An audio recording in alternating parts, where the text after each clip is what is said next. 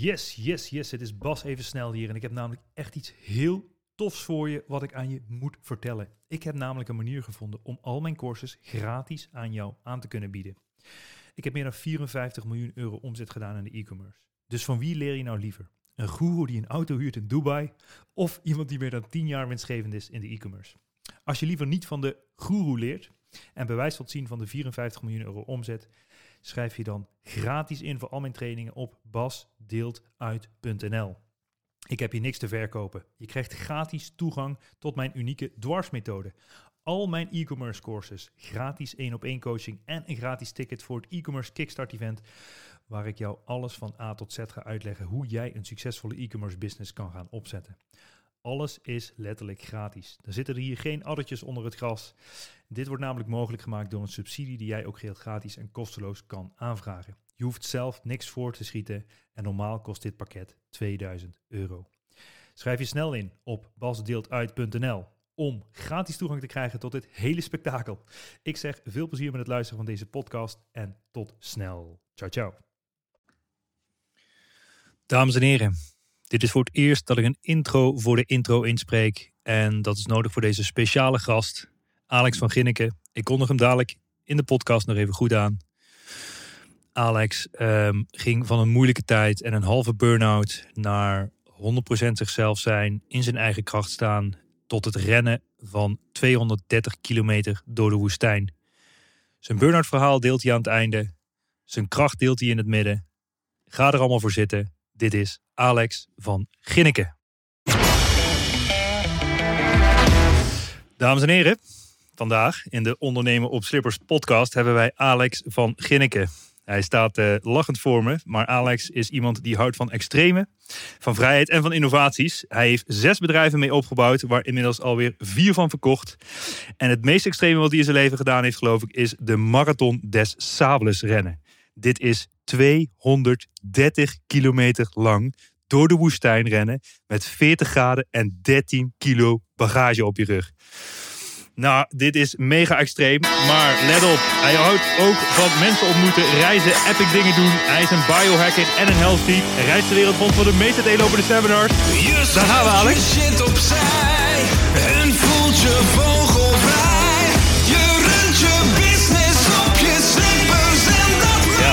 Rent op die slippers, hè? Je droom is werkelijkheid. Bent van de stress bevrijd. Je kraakt de code van het leven met zekerheid. Ja, Alex, welkom man. Prachtig, dankjewel voor je supermooie introductie, man. Ja, zeker. Je bent een extreme vogel, dus dat, dat vergt ook een extreme introductie natuurlijk. Klopt. maar eh, welkom. Ehm, ja, vertel eens wat kort over jezelf voor mensen die jou niet kennen. Want eh, ja, wij kennen elkaar inmiddels al een tijdje. Ja. Ja, ik ben eh, Alex Schinneken. Uh, ja, ik noem mezelf wat een online ondernemer. Eh, en de laatste vier, vijf jaar doe ik heel veel eh, business coaching. En eh, ja, ik word gewoon heel warm van eh, bouwen, dingen uitvinden, dingen uitzoeken, ehm, mensen ontmoeten, eh, mensen motiveren. ehm, ja, IT, online, marketing, sales. Dat zijn gewoon allemaal heel gave onderwerpen waar ik heel graag over praat en eh, waar ik heel veel mee bezig ben. Ja, cool man. Ja. En ehm, ehm, hoe was jij als een kleine jongen?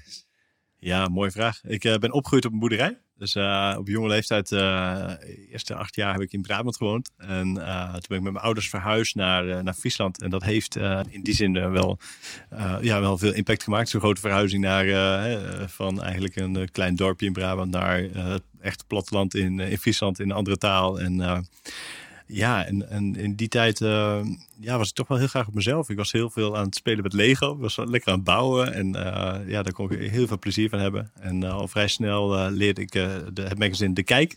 Misschien dat je Ja, het kent. zeker, En, zeker. ehm, dus het stond een beetje half wetenschappelijk voor jeugd, zeg maar. Vond ik altijd superleuk. Ik keek er echt uit als dat magazine eraan kwam. En als ik er dan uit had, dan ging ik daarna de artikelen nog lezen die ik niet had gelezen. En in die tijd ontdekte ik ook, ehm, ik weet niet meer hoe die man heet, misschien wel leuk om een keer uitzoeken, maar die man die had eh, altijd een stukje code in, eh soort ja, eh, programmeercode in de kijk. Elke maand stond daar weer een stukje programmeercode. En op een gegeven moment was in GW Basic en dan ging ik overtypen. En ja, daar begon een beetje, toen ik 10, 11 was, begon ik gewoon te programmeren, zeg maar. En dat raakte mij toen enorm. Ook daar weer bouwen, uitzoeken. En, eh, dus ik heb ja, een beetje nerdy eh, jeugd gehad misschien. Maar uh, Wauw. ja, en daarnaast natuurlijk veel op de boerderij. Veel uh, met mijn vader helpen uh, op het land, trekken rijden. En, en wat me enorm geholpen heeft in die tijd ook was dat mijn ouders vrij vroeg een computer aanschaften. Wat toen best wel uniek was. En nou, als mijn vader niet op die computer hoefde te werken, wat best wel vaak was, dan kaapte ik hem en dan kon ik daar programmeren of, uh, of spelletjes spelen. Ja. Dus, uh, en wat was er voor computer? Een 186 of zo? Het, of, het, uh, ik, ik vergeet me het was een Philips NMS 8100. Maar is dat dan met zo'n bandje? Het was net nadat die bandjes net uitkwamen. bandjes, En je moet je voorstellen, in die, in die tijd werden computers gesubsidieerd met 3000 gulden, weet je wel. Dus, uh, en uh, en dat was, was de eerste versie waar een diskette in kon. Niet zo'n zachte floppy, dus een harde diskette, een 3.5 ja, inch of zo. Ja, ja, ja, ja, ja. gaaf man, gaaf.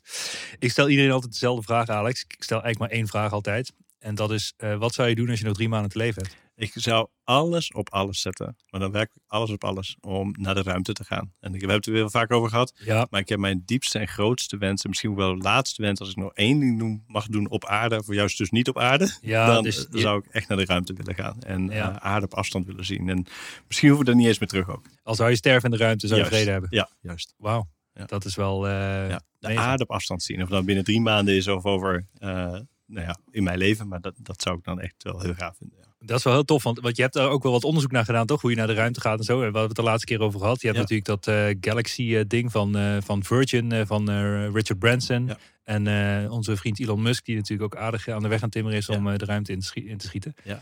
Maar volgens mij is het, wordt het steeds toegankelijker, maar ook zo'n dat Virgin-verhaal, dat is dat je maar eventjes gewichtsloos bent buiten de cirkel in een soort van vliegtuig. Klopt. en dan ga je weer terug. Ja, we zijn er nog niet hoor. Je hebt uh, voor inderdaad voor 200.000 uh, dollar, dan kun je net op de laag tussen de ruimte en de aarde vliegen. Uh, en dat is dan maar een paar minuten. En dan heb je even een ervaring voor gewichtsloosheid. Maar dat is niet wat ik zoek. Mijn echte doel is dat ik de aarde tussen twee vingers kan zien. Dat, Juist. Kijk, en dan, als ik dat gezien heb, dan wil ik wel weer. Ja. Of terug, of dan is mijn leven wel ja, klaar. ja. En dan heb je ook nog ruimtereizen die kosten ongeveer 20 miljoen dollar. Uh, nee, uh, 57 miljoen dollar. En dan, ga je, uh, dan kun je op de hoogte van de Meerstation. en dan kun je zelfs nog daar nog overnachten. Maar die overnachtingen kosten ook iets van 36.000 dollar per nacht of zo. Wow. Dus ik hou de prijs in de gaten. Maar, ja. ja. maar je hoort aan mij wel dat dat ook nog wel een beetje ver weg is voor mij nog. Ja, het kan niet anders dat die prijzen naar beneden gaan. Hè? Ja. Alles wat er natuurlijk gebeurt. En Elon Musk die wil natuurlijk een kolonie op Mars starten, geloof ik, of zo. En zou, jij dan, zou jij dan de eerste willen zijn nee. die daarheen geschoten wordt? Nee, nee, dat zoek ik dan weer net niet. Dat is, ik, ik, ben wel wel extreem, maar dat is ook dan wel een beetje te misschien nog. Uh, maar zolang, zolang, het niet mogelijk is om van Mars op te stijgen om terug te gaan, hoef ik niet per se daarheen, zeg maar. Maar ik denk wel, uh, omdat ik weet dat ik dat heel graag wil, is het voor mij super belangrijk om mijn uh, mentale en fysieke gezondheid goed te houden. En uh, zolang als mogelijk. En dat de prijzen van de, tarieven om naar de ruimte te gaan, dat die op een gegeven moment gaan dalen en ik nog een goede gezondheid ben. Nou, als die twee bij elkaar komen, dan uh, zou ik heel graag gaan. Ja, ja want hoe oud je nou? Ja, ja 4.1 zou ik dat, willen zeggen. Was ik, dat ik, ik, ik, op een gegeven moment ga je denken in uh, versienummers. en uh, 4.1 is gewoon, ja, dat is gewoon nu de versie, zeg maar. En, um, ja, en in juni word ik uh, 4.2. Ja. ja, cool man. Dus eigenlijk heb je nog tijd genoeg om de ruimte in te gaan. Ja, en wat je me ook een beetje hoort zeggen, en je vraagt welke leeftijd je hebt. Dus ik praat er een beetje, toch een beetje software-minded. Dus ik praat een beetje in versienummers. Maar je hoort me ook een beetje zeggen dat ik elk jaar beter word. Ja. Dus het is geen binair. Het is niet 1 of 0. Nee, nee, nee, het is niet aan of kapot. Nee, precies, precies. maar super gaaf, man. Ja, Alex, ik denk dat jij bent iemand van extreme. Je bent ook een, een, een, een biohacker. Maar uh, misschien is het leuk om eerst wat te vertellen over je, uh, ja, een beetje je ride, zeg maar. Vanaf, uh, ja, laat zeggen, welke opleiding je hebt gedaan tot de eerste business die je bouwde. Ja. Uh, laten we daar eens mee beginnen. Jeetje, ja, mijn eerste opleiding. Ik, heb, uh, ik ben echt, gewoon echt op de MAVO begonnen. En, uh, en ja, precies. Mag ik lachen of niet? Ja, natuurlijk. Nee, dus, is niks, niks tegen de MAVO. Ik en, denk dat het een hele goede start is. En uh, daar heb ik, daarna ben ik een mbo-opleiding gaan doen, technische informatica. En die was in die tijd hartstikke nieuw. Ik was eigenlijk de tweede lichting, dus vrij experimenteel. En ik weet ook dat het een best wel pittige opleiding was, omdat er eigenlijk ja, er waren wel boeken, maar die kwamen dan van het HBO eigenlijk. Dus was best wel bijzonder. Maar eigenlijk was die opleiding niet zo heel belangrijk. Want uh, tijdens de opleiding was een, een challenge. En dat heeft mij, was me, ja, ik praat niet, ik praat wel graag in key moments in mijn leven. Wat zijn nu key moments? Belangrijke momenten die eh, je leven veranderd hebben. Dat was wel toen ik 17 was en eh, toen was er een challenge uitgeschreven. En dat heette toen een innovatieprijs. En ehm, de gedachte was dat je dus iets maakt en presenteert. En dan kun je iets winnen. En ehm, dat deed ik toen een tijd met een schoolvriend van mij. En eh, ja, toen won ik mijn eerste duizend gulden. En ik kreeg ook gewoon cash in het handje, weet je. Dus eh, dat was helemaal mooi. En, eh, en, eh, en, dat dat nachten gekost heeft. En dat je dan s'nachts met eh, letterlijk een thermoskan koffie erboven ging. En er achter de computer je software ging maken. En een handleiding en een presentatie. En ja, dat waren natuurlijk prachtige momenten. Dat vergeet je nooit weer. En ehm, toen ik dat had gedaan, een jaar later... nog- Wat had je gemaakt van die, van die duizend toen het, tij- wat ik gekocht heb. Nee, eh, wat, je, je ging iets programmeren? Ja, ik had een software eh, tool bedacht waarmee je heel... In die tijd had je nog niet echt natuurlijk eh, Windows en zo. Dat was nog niet echt. En in die tijd had je dan vanuit DOS dat je dan eh, werkte. En dan kon je heel snel eh, softwareprogramma's eh, vinden en starten. En er was een beetje menu software bij. En het tweede jaar was er weer zo'n prijs. Ik dacht, dan ga ik weer meedoen. Ik denk, ik heb nu een beetje begrepen. En toen heb ik weer gewonnen, maar toen 1500 gulden. En ehm, ik dacht, dat is voor progressie. En toen had ik een beveiligingssoftware gemaakt. En eh, ja, dat zou je nu natuurlijk nooit meer gebruiken. Maar in die tijd was het wel uniek. En, maar het pushte mij gewoon enorm. Het pushte mij om ondernemer te zijn opeens. En voor het eerst eigenlijk, denk ik. En, eh, dus dat was echt een key moment. En na afronding, ja, mijn laatste fase van mijn opleiding. Ik weet nog, ik woonde in Friesland. En ik wou zo ontzettend graag weg uit Friesland. Ik woonde echt vijf kilometer vanaf de dichtstbijzijnde dorp, bushalte. Dus ik woonde heel afgelegen. En ik wilde heel graag weg, dat weet ik nog. En, ehm, en eerst toen had ik kans om naar Namibië te gaan. En ehm nou, moest ik psychologische test doen. En eh, ja, ik werd derde, maar er was maar plek voor twee. En nou, dat ging niet door. Ehm, ik kon naar Engeland, ging op het laatste moment ook niet door. En toen was ik zo pissig. Ik zei, ik zeg tegen de docent, maakt me nu niet meer uit. Ik wil weg uit Friesland. En ehm, nou, toen kwam ik in Utrecht terecht. En echt, het is ongelooflijk, want ik sta nu in Utrecht. En, ehm, en toen kwam ik bij een heel klein bedrijfje terecht. eh, hier heel vlakbij in de buurt. En dat werd na twee, drie maanden overgenomen door Oracle, wat hier 100 meter vandaan zit. Dus ik, heb, ik sta gewoon naast mijn eerste werkplek eigenlijk, eh, moet ik zeggen. En ehm, dat heeft mijn leven wel veranderd ook. Omdat je, daarna ging ik naar Californië tijdens die tijd. Ik mocht overal mee naartoe en eh werd opgenomen in een internationaal ontwikkelteam. Ik was toen software developer dus. Ja, en dat, dat waren wel echt key moments, ja. Wauw. Zo ben ik begonnen eigenlijk. Ja. We zitten hier een beetje bijna half back to your roots eh Ja, op ik dit krijg-. Ik heb kippenvel nu. Meen Ja. ik echt kippenvel. Want Wauw. in die tijd dat ik daar kwam te werken...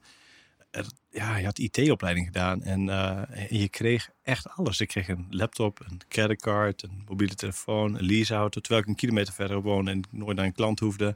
Het was gewoon echt bizar. En ik was 21 en ehm ja, het was gewoon prachtig. Maar toch, om een carrièrepad af te maken... eh, na anderhalf jaar dacht ik, ja, ik weet dit is niet mijn ding hier. Ik kon mijn lijn uittekenen. Het, was niet spannend, zeg maar. En ehm, ja, ik dacht, ik wil ook nog een beetje iets anders studeren. Zo ben ik communicatie marketing gaan doen. Ik heb al mijn spulletjes ingeleverd. En ik weet nog wel dat dat een van mijn grootste stappen toen was. Als 21-jarige jongen, ja, toch die leaseauto, al die shiny stuff inleveren. En echt zonder geld terug eh, ja, de schoolbank in. Dat was echt wel even een shock, maar wel een, ja, toch wel een hele mooie manier om, eh, ja, om je op die leeftijd gedwongen toch een volgende stap te maken in je, carrière, denk ik.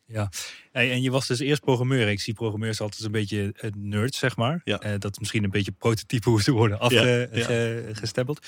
Ja, Was jij ook echt een nerd in die periode? En ben je door die marketing-communicatieopleiding wat beter communicatief Ja. geworden? Of hoe moet ik het zien? Nou, ik had wel nodig dat ik wat beter communicatief werd. Dat, eh, eerlijk gezegd, dat was wel echt zo. Ik was echt best wel verlegen eigenlijk. En, ehm, maar ik, op, ja, ik, weet, ik was toch echt meer een... eh, ik vond het leuk om dingen uit te zoeken en uit te vinden. Maar ik was...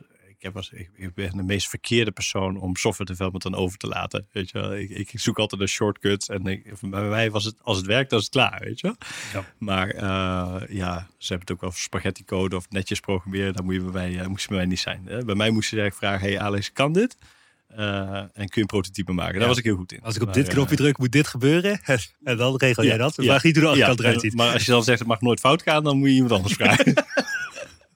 Ja, goed verhaal. ja.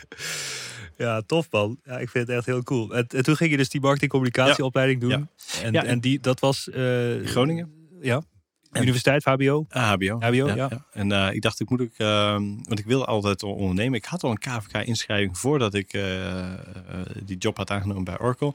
Ehm, ik wilde altijd al ondernemen. En toen ehm, ben ik toen echt mijn onderneming begonnen. En de studiefinanciering heeft, mij, heeft de start van mijn eh, bedrijf eh, bekostigd. Daar heb ik ook nog jarenlang af mogen betalen. Zo hoort het, zo hoort het. Ja, precies. en na twee jaar begon het bedrijf te lopen. En ik had mijn personeelslid aangenomen. En ik had mijn propedeuse gehaald. En toen dacht ik, ja, jeetje man, die opleiding loopt zo achter. Ze deden echt bijna niks met online marketing of eh, wat ik, ja, websites. Terwijl dat communicatie marketing was. Waar, er was niks van online. Maar deze business was je dus het opzetten in je eerste jaar van die marketing-communicatieopleiding. Ja, ja, en wat, ja. wat, wat, wat was de business? Eh, ik maakte eh, softwareprogramma's voor, voor bedrijven die ehm, monteurs in dienst hadden en onderweg voorzien moesten worden van informatie. Dus een monteur die bijvoorbeeld een koffieautomaat eh, monteur, die moest onderweg zien van hey, waar moet ik naartoe, wat moet ik doen? En dan kan hij daar ter plekke kon hij opgeven welke materialen heeft toch gebruikt, welke tijd eh, de aan beste- besteed heeft. En dan kon de back-office automatische facturatie Wauw. Dus, maar we eh, hebben het hier over... 2002, 3 ongeveer. Ja, Ja, zo- ja, ja. dat is gewoon eh, 18 jaar geleden. Ja, is 18 jaar geleden. ja. Jeetje, man. Dat was best innovatief. Want in die tijd was er nog geen 3G, geen 4G. Er was net Edge. Of eh, GPRS heette dat toen volgens mij. Ja, En dat was ook echt heel, heel pril eigenlijk. Heel pril. En, eh, en dat kreeg ik werkend, zeg maar. Ja, en er waren ook nog geen PDA's of eh, mobiele telefoons. Dus ik werkte toen met die Nokia Communicator, weet ik nog, dat ik de software gemaakt had. Ja, Ja, het was allemaal heel, heel early stage allemaal. Ja. super gaaf Ja, man. ja. En daar kon ik van leven. En, eh, en op een gegeven moment kwamen er dus mensen bij. Ja, toen dacht ik, ook, ja, die opleiding, dat, dat ging niet. Dat lag niet in lijn. Dat, ik, was niet echt innovatief. Ik dacht, ik ga er vandoor. En toen uh, mijn bedrijf verder gebouwd. En heb ik in Friesland uh, toch weer gedaan. Toen heb je de hele klas aangenomen en uh, zat er in de opleiding. nou, je kunt je wel voorstellen dat ik daar mensen uit, uh, uit, uit, die omgeving heb, uh, heb aangenomen. Zeker, ja. Ja, oké. Okay, dus eigenlijk ben je dan in je tweede jaar of zo, dacht je mijn business gaat goed genoeg, laat die opleiding maar zitten. Um, en ja, ik bedoel, je ziet natuurlijk de grootste drop-outs zijn uiteindelijk de meest succesvolle mensen. Hè? We kennen natuurlijk de grootste voorbeelden daarvan als Steve Jobs en Mark Zuckerberg en al die andere gasten. Hoe, kijk je daar zelf op terug, zeg maar? Is dat gewoon het beste wat je toen was overkomen? Dat je, dat je misschien werd weggestempeld als... Hey, weet je wel zeker dat je je opleiding niet gaat afmaken? En ik vraag me sowieso af hoe je ouders daar naar keken. Maar hoe kijk je daar zo op terug? Ja, het is, uh, je, maakt, je maakt zo ongelooflijk veel meer mee als je gewoon voor jezelf gaat beginnen. En uh, het grappige is, al die kennis en ervaring die je nodig hebt, ja, die huur je gewoon in. Weet je? En uh, dat was mijn mindset toen ook. Van, ja, ja, ik heb nu genoeg uh, marketing gezien en als ik het nodig heb, dan huur ik het wel in. En uh, ik, ik, zag mezelf niet als tool, maar ik wilde gewoon een bedrijf bouwen. En uh, ik wil gewoon toen de tijd gewoon een IT-bedrijf bouwen. En uh, ja, daar heb ik gewoon programmeurs voor nodig en daar heb je klanten voor nodig. En uh, ja, het was, was wel vrij simpel of zo.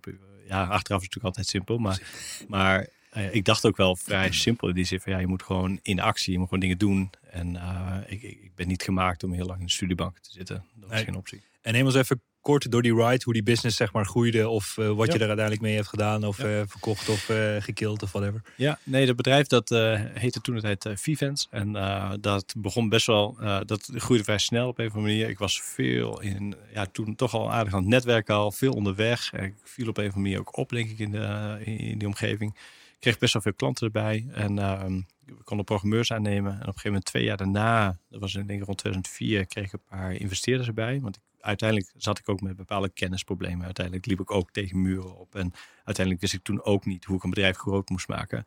Ik had wel een paar mensen in dienst, maar uh, ja, het was nog niet het niveau van een bedrijf, om het zo maar te zeggen. Maar ik wilde echt een bedrijf bouwen. En die mensen hadden heel veel ervaring met uh, het bouwen van een bedrijf. Hadden, waren betrokken geweest bij een beursgang van een IT-bedrijf. Dus ja, daar ben ik gaan samenwerken. Natuurlijk wel aardig wat in, aandelen ingeleverd in die tijd, maar we zijn samen verder gaan bouwen. En toen kwam het echt los. Dus 2004, 5, 6, toen groeide ik naar uh, meer dan 25 mensen. En uh, we, kwamen weg, we deden eerst maatwerksoftware en daarna werd het detachering. En eerst begonnen met PHP, toen kwam er .NET bij. Uh, en op een gegeven moment zijn we system integrator geworden van Salesforce. En dat was vrij vroeg, een van de eerste Nederlandse partijen. Ja, en toen begon het echt te vliegen. Toen begon wow. te vliegen. Ja. Maar dus eigenlijk, je, je start zo'n business, je groeit door, dan heb je 25 man zitten. Ja. Dan word je in één keer van, van zeg maar, degene die zelf uh, achter zijn computertje zit te programmeren, word je in één keer een Ja. manager of zo. En, Ja. uh, Ja. Hoe heb je dat ervaren? Nou, heel slecht. Dus uh, ik, ik ben echt, ik heb daar echt voor het eerst ook echt keihard tegen aangelopen. Dat ik op een gegeven moment door 25 mensen, ik dacht, ja, maar ik, ik ben geen directeur. En, want dat, maar dat vraagt dit bedrijf nu wel van mij. Of dit is wel wat het bedrijf nu vraagt, een, een goede directeur. Ben dat niet. Daar kwam ik echt wel achter. En dat was voor mij ook een reden om uh, eind 2006 mijn aandelen te verkopen. En uh, eh, ja, en, en toch op zoek te gaan naar iets nieuws waar, waar ik ook kon gaan bouwen. Eh, en ik dacht toen nog van, ja, ik, ik moet gewoon een ander format vinden of met, met andere mensen samenwerken of eh, ik moet groeien als directeur. Maar ik ben er inmiddels achter, een paar bedrijven verder, dat ik echt eh, geen directeur ben. Ja, geen manager of directeur Nee, of hoe je nee, dat noemt. precies. Nee, en eh, het, daar hebben we het ook vaak over. Hè? Werken in je bedrijf, aan je bedrijf. Ja, Ik werk aan het bedrijf en niet in mijn bedrijf. Precies. Ik wil nooit meer onderdeel zijn van het proces. Ja. Eh, of, ik kan wel even, of ad hoc, maar niet structureel. Ja. Daar ben ik echt niet voor gemaakt. en toen had je je aandelen van je eerste business Ja. dus verkocht. Ja. En eh, hoe heb je dat gevierd? Nou ja, eh, gevierd anderhalf jaar lang. Eh, we zijn, eh, ik ben gewoon heel eh, lekker op reis geweest. Ik ben daar naar eh, eerst een paar maanden naar Ecuador gegaan en eh, daar Spaans geleerd. Toen eh, naar Azië, eh, ehm, eh, Oost-Europa, veel tripjes gemaakt. En, dus daar heb ik zeker goed gevierd. Ja. En in die tijd ontdekte ik ook online marketing en dat had echt mijn interesse. En, um, en, en daar ging, dat was in 2006 dat ik dat ontdekte en toen dacht ik, ja, maar dit vind ik eigenlijk veel gaver dan die IT en die backend en dat nerdy stuff. Ik vind die frontend eigenlijk veel gaver. Gewoon echt iets in de markt ze- zetten, iets zichtbaars doen.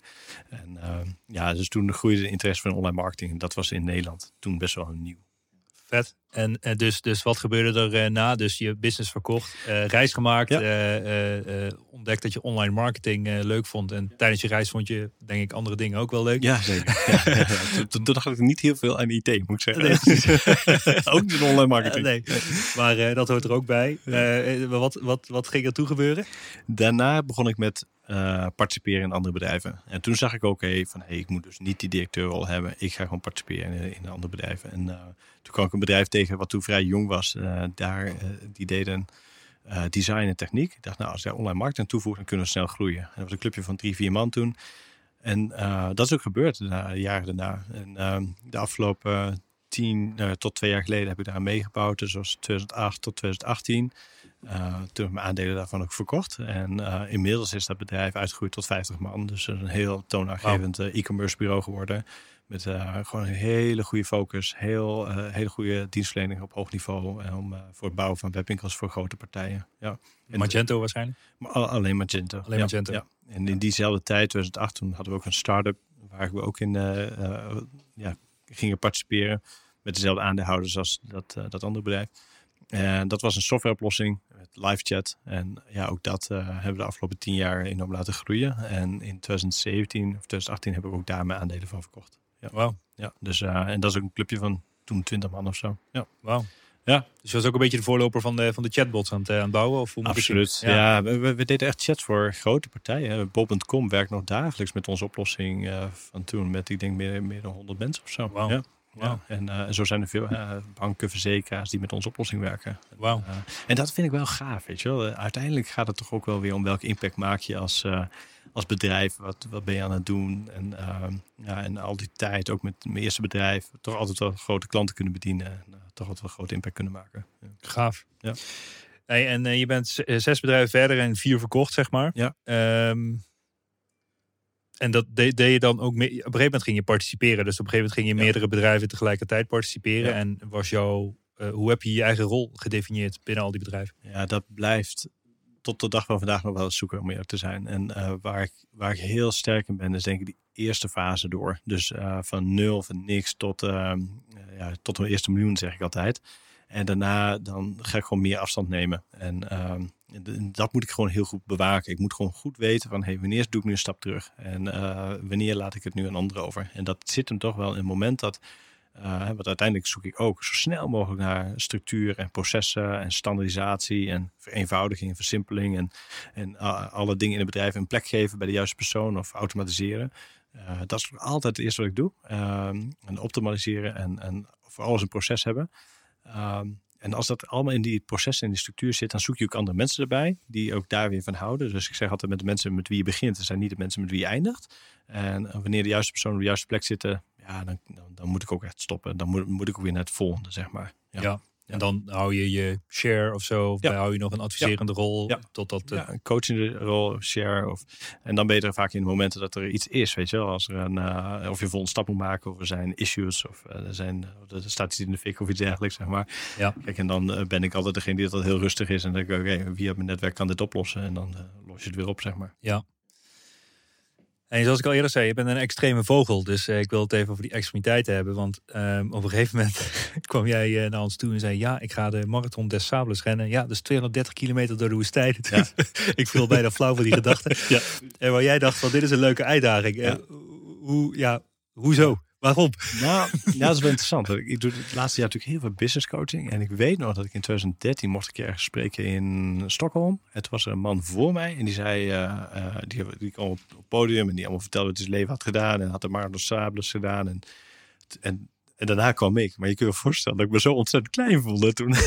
Ja. en ik dacht, shit man, wat, wat prachtig, wat een mooi verhaal. En, eh, en, en dat was de eerste keer dat ik er echt iemand eh, over hoorde. Het is altijd een beetje bijgebleven. En in 2017, want ik heb in begin 2016, ons, begin 2017 ontzettend veel dingen veranderd in mijn leven. eh, op persoonlijk vlak. Ehm, en in 2000, eind 2017 had ik op Facebook uitgesproken van... hey, dit is wat ik ga doen. En, eh, maar goed, dat was eind 2017. En als je iets publiek maakt, dan moet je het ook doen. Hè? Dat heb ik heel sterk. Ik wil wel follow through, zeg maar. Dat vind ik heel belangrijk. Dus ja, en, en dat was dus in 2018 toen kwam ik eh, een paar mensen tegen die me daarbij konden helpen in de vorm van trainen en begeleiden. En eh, toen ben ik gewoon in mei 2018 ben ik daar echt naartoe gaan werken. En in april 2019 heb ik hem gelopen. En, eh, en eh, het is prachtig. Eind 2018, en dus binnen, binnen een jaar heb je je helemaal voorbereid op het Ja, spektakel. Ja, en dat is echt prachtig, want eigenlijk is dat ook weer een start-up. En ik heb het ook aangepakt als een start-up. En wat je mag weten, ik heb die, die marathon uitgelopen. Ik heb geen blessures gehad, ook niet de weg naartoe. Ja, heb, dat hoorde ik, man. Ik bedoel, als ik eh, een wandelingetje in de, in de bergen maak, zeg maar, dan heb ik al blaren achter op mijn hielen staan. En jij doet Ja. 230 kilometer door de woestijn zonder blaren. Ja, en vergeet niet, er zijn ongelooflijk veel mensen die daar wel blaren hebben gehad. Ik Ja, heb tuurlijk. die blarenpost, ik heb mensen zien lopen. Het leek wel een oorlogszone af en toe. Dat is ongelooflijk. Dus, en dat je daar heel huid zonder issues uitkomt. Ja, en, en, en dat vind ik wel heel mooi, want ik heb het aangepakt als een start-up. Ik ben eerst gaan netwerken. Wie heeft dat ding eerder gelopen? Daar ben ik bij afgesproken. Ik heb letterlijk van top tot teen heb ik gevraagd van eh, wat heb ik daar nodig al? Wat moet ik doen, et cetera. Ik heb drie mensen die me begeleid hebben. Eén op gebied van voeding, ander op gebied van trainingsschema met hardlopen. En iemand die eh, gewoon een personal training die binnen traint op specifieke onderdelen. Ehm, en ik heb ook, ik, ik heb me heel coachable opgesteld. Ik heb gewoon, ik denk, ja, aan materiaal mag het nooit liggen. Hè? Dus ik heb gewoon naar de beste store gegaan, de beste producten gekocht. En dat is in ieder geval goed, weet je wel. Eh, want je wil niet in de woestijn staan en zeggen, shit, had ik toch niet altijd schoenen Wat, gekozen. wat voor producten heb je het dan over? Nou ja, bijvoorbeeld inderdaad goede schoenen bijvoorbeeld. Eh, maar ook ehm, dat je, eh, je je rugzak of die dingen die essentieel zijn. dat, die niet, je, je wil niet onderweg dat je, je, voeding niet goed genoeg is bijvoorbeeld. Dus een goede voeding. Eigenlijk alles wat je onderweg nodig hebt. Eh, goed verband, goede medische spulletjes, eh et cetera. Ja. Cool, man. Post even wat fotootjes op uh, ondernemen op slippers. Ja, dat is dit, goed. dit is echt ja, gaaf. ja, ik heb heel veel mooie fotomateriaal eh, van die week ook. En, eh, maar het is echt een start-up eigenlijk, weet je, hoe je het dan aanpakt. Ja. Ja. ja, en dat is super fascinerend. Maar het start-up, weet je, je moet ook nog eens de discipline hebben, zeg Ja. maar, om het volledig. Kijk, er is zijn in, in die voorbereidingstijd eh, eh, kun je op elk moment zeggen van, nou, ik ga het eigenlijk toch niet doen. Laat maar zitten, weet je. Eh, maar jij bleef gewoon doorrennen, je bleef doortrainen, je bleef strak eten, je bleef strak slapen, in hoeverre dat kan met kinderen. Maar dat, dat, dat, dat is toch een discipline die je nodig hebt om uiteindelijk bij die, überhaupt bij de start eh, op te dagen. Ja, ja, dat is voor mij niet zo heel moeilijk. Ik heb best wel veel discipline, denk ik. En, eh, of, dat heb ik gewoon wel. En eh, opgeven is ook niet iets wat echt bij mij voorkomt. En, maar wel leuk om te weten, dat is dat 25% van de mensen haalt de start van de Marathon de Sables dus niet.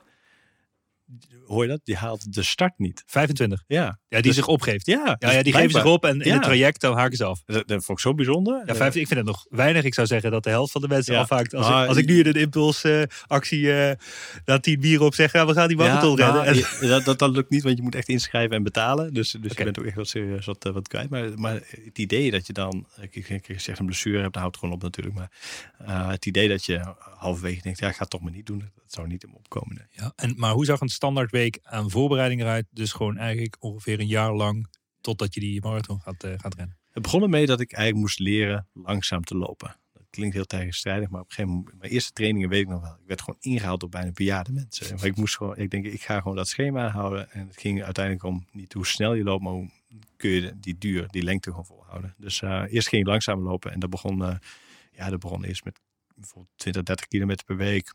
Ehm, en dan ging ik drie keer of vier keer per week hardlopen. Ik trainde nog twee keer binnen met een trainer. En eh, dus dat waren de eerste maanden, zeg maar. En dat, er kwamen steeds meer kilometers bij. En tegen het einde liep ik ongeveer 90 kilometer per week. Ongeveer 90, 100, 90 tot 100 kilometer per week. En daarnaast trainde ik nog twee uur binnen. Of nou, ik denk anderhalf uur, twee uur. En ehm, tegen het einde, dan moest je ook anders gaan trainen. Dus de laatste drie maanden ben ik met een gewichtsvest gaan rennen. Eerst met eh 6 kilo, toen 8 kilo, 10 kilo, 12 kilo. En dan de eerste 10 kilometer en dan 20. En op een gegeven moment een halve marathon. Of, eh, dan 30, 40 kilometer met zo'n gewichtszak. of vest. Tw- Eh, 20 kilo. Nee, dat was toen eh, 20 kilometer. Maar dan heb je hem ongeveer tot op 10, 12 kilo, denk ik, zoiets. Ja. Dus dan doe je een half marathonnetje met 12 kilo vest. Juist, ja, ja, in de regen. Want, want, en Op je de blote voeten. Ja, dan op blote voeten. Net niet. Maar en de, eh, de laatste maand, laatste weken vooraf moest je ook je acclimatiseren. Dus dan ging ik ook eh, sauna trainingen doen. Dus dan ging je Bikram yoga doen. En eh, puur om eh, ja, te, alvast te acclimatiseren voor die hitte daar. En ik moest heel veel blote voeten lopen thuis om te zorgen dat die voeten gehard werden. En dan had je nog een speciaal, sp- ja, speciaal spul om je voeten te harden. Eh, dus je moet best wel veel dingetjes doen, zeg maar. Ja. Wauw. Ja. Dus je moet natuurlijk gewoon, dus je ging leren doseren, dat Ja. je die duur aan kon. Ja. Ehm, en hoe zag het eetschema eruit? Ehm, nou, het was zo mooi. Ik kon letterlijk een halve marathon makkelijk lopen op twee glazen water. Eh, Dus ik had, eh, voordat mensen ontbijt op hadden, eh, voor de vol ontbijt had ik soms wel een halve marathon gelopen en twee glazen water op bijvoorbeeld. En op een gegeven moment was ik gewoon in staat om een hele marathon te doen zonder, zonder te eten of zo. vooraf. En had ik ook, niet onderweg. Dus dat misschien bij de hele dat ik aan het einde nog wel iets nam of zo. Maar ehm, dus mijn lichaam was helemaal gewend om helemaal te leven op, eh, ja, op wat je dan hebt. Gewoon op vetverbranding te kunnen lopen eigenlijk. En, eh, dus ehm, dus dat, ja, dat, is ongelooflijk krachtig als je je lichaam zo ver getraind kan krijgen. Ja, Dat is wel extreem, ja. en daarnaast deed ik ja, heel veel kleine dingen. Dus ehm, mijn voedingscoach heeft gezegd, hey, elke keer als je dat hebt gedaan, dan moet je daarna moet je bijvoorbeeld eh, gember thee nemen. Want dat is goed voor spierherstel bijvoorbeeld. En eh, een goede eiwitpoeder. Dus wat een ik had een goede eiwitpoeder. Ehm, ja, wat, dan- wat andere supplementen die dan nemen. Omega. Ik heb eh, vegetarisch. Dus ik eh, moest met omega's aanvullen. Dus eh, in de winter vitamine D3. ehm, ja, veel groente eten natuurlijk. Veel eh, biologisch en eh, ja, gezond eten. En gezond eten, en wat mag je niet eten wat je dan mist? Of is dat gewoon eh, niet in vraag? Nou, wat, wat niet goed is, is natuurlijk eh, eh, wat niet zo goed werkt, is brood en rijst en pasta's. En, Koolhydraten. ja, koolhydraten. En, ehm, en ook dingen als of, tomaten bijvoorbeeld. Tomaten is helemaal niet goed. dat werkt anti-spierherstel, zeg maar. Dus ik krijg je spier weer stuk van, zeg maar. Dus, eh, En ook ehm, hè, eten binnen het golden hour, zeg maar. Dus met je thuis komt, dan moet je ook binnen dat uur eh, je eh, voeding eh, toevoegen, zeg maar. Want dan, eh, anders is je training bij wijze van spreken bijna voor niks geweest. Dus, eh, dus ook tijd, timing erin. En slapen natuurlijk, ook een hele belangrijke. We kennen allebei Floris Woutersen natuurlijk. Ja. Die heeft me ook heel veel bij geholpen ook. Eh, maar, ja, heel veel bij geholpen, maar in die zin hè, je, je, je slaapruimte inrichten. Maar ook je, ja, ik ben gewoon eerder gaan slapen. Ik ging om tien uur slapen bijvoorbeeld. Terwijl daarvoor altijd om eh, twaalf uur was. En ik eh, zag ook gewoon de kracht van rust. Hè? Dus eh, veel trainen is goed, prima. Maar je moet ook echt die rust pakken. Ja, voor je spieren te laten herstellen en Ja. het hele lichaam Ja. zijn proces te laten doen, Klopt. zeg maar. Ja. Wauw. Ja. Man, dat is echt wel extreem. En, maar oké, dus dan heb je strak eten, eh, trainingsschema, een jaar lang heb je discipline gehad om dat Ja. te volgen. Maar waar ik nog benieuwd naar ben, waar komt die discipline vandaan, zeg maar? Want heb je dat geleerd vroeger? Of Ja. ik denk dat heel veel mensen namelijk moeite hebben met discipline en zeker een langdurige discipline. Ja, ik denk dat ik wel. eh, ik heb een bepaalde drive die gewoon altijd doorgaat. Ik, ik ken ook niet zo goed dat je moe of kapot bent of ziek bent of zo. Dat heb ik eigenlijk, klinkt dat raar, maar ik nooit echt last van of zo. Ehm, en ik ben natuurlijk opgegroeid op een boerderij. Ik heb mijn vader gezien die altijd eh 70, 80 uur per week werkte. En eh, hij was altijd soms om 4, 5 uur uit en ging, ging aan het werk. Was s'avonds laat terug. Dus eh, ja, misschien dat het daar vandaan komt. Dus eh, ik heb altijd geleerd om door te gaan, zeg maar. Ook als het even, even niet gaat of even kut is of zo. Dat je dan toch doorpusht. En wat, wat, wat zit er in jou die dan toch doorgaat en dan... Dat, dat er moet ergens een soort van altijd eh, licht aan het einde van de tunnel zijn. Om dat Ja, maar je werkt ergens naartoe. En, eh, en eh, ja, vooral is natuurlijk, ik denk dat je ook wel dat ook meespeelt. Je maakt een doel publiekelijk bekend. En ja, dan heb ik er heel erg, de, heel erg de neiging om dan ook heel consistent in te zijn, zeg maar. Dat ik, ik wil niet diegene zijn die, oh, dat is die luchtfiets met allemaal mooie plannen en er komt niks van. Daar heb ik echt een hekel aan, zeg maar. Ja. Dus je, je, Dus uiteindelijk helpt die externe druk ook. Hè? Dus buiten dat je die eh, marathon rent, eh, die ruimtereis, die komt er nog wel. Want dat heb je al publiekelijk gemaakt. Ja, bij ja, deze. klopt, ja, klopt. Ja, mooi. Gelukkig. Ja, dat is wel gaaf om te zien. Ik denk dat die discipline vooral heel erg inspirerend is. Ik zeg altijd, eh, focus en discipline zeg maar, zijn de twee grootste succesfactoren uiteindelijk voor wie dan ook. Ja. Ehm, eh, of, of zie je dat anders? Wil je daar iets aan toevoegen? Goeie vraag. Goed eetpatroon, goede slaap. Ja, je moet, uiteindelijk moet je gewoon goed voor jezelf zorgen. Ja. Dat is gewoon het belangrijkste. En ehm, ik, eh, een tijd in mijn leven gehad dat ik dat minder eh, heb gedaan. Dus eh, misschien zijn het ook fases, zeg maar. Maar in deze fase dan zit dat allemaal heel hoog ja, qua Ja. discipline en focus. En Ja.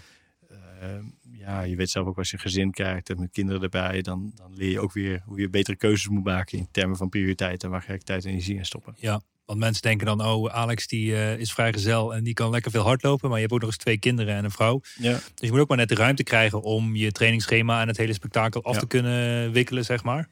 Ja, wat ik natuurlijk wel veel heb is vrijheid in de zin dat ik hoe ik mijn week indeel.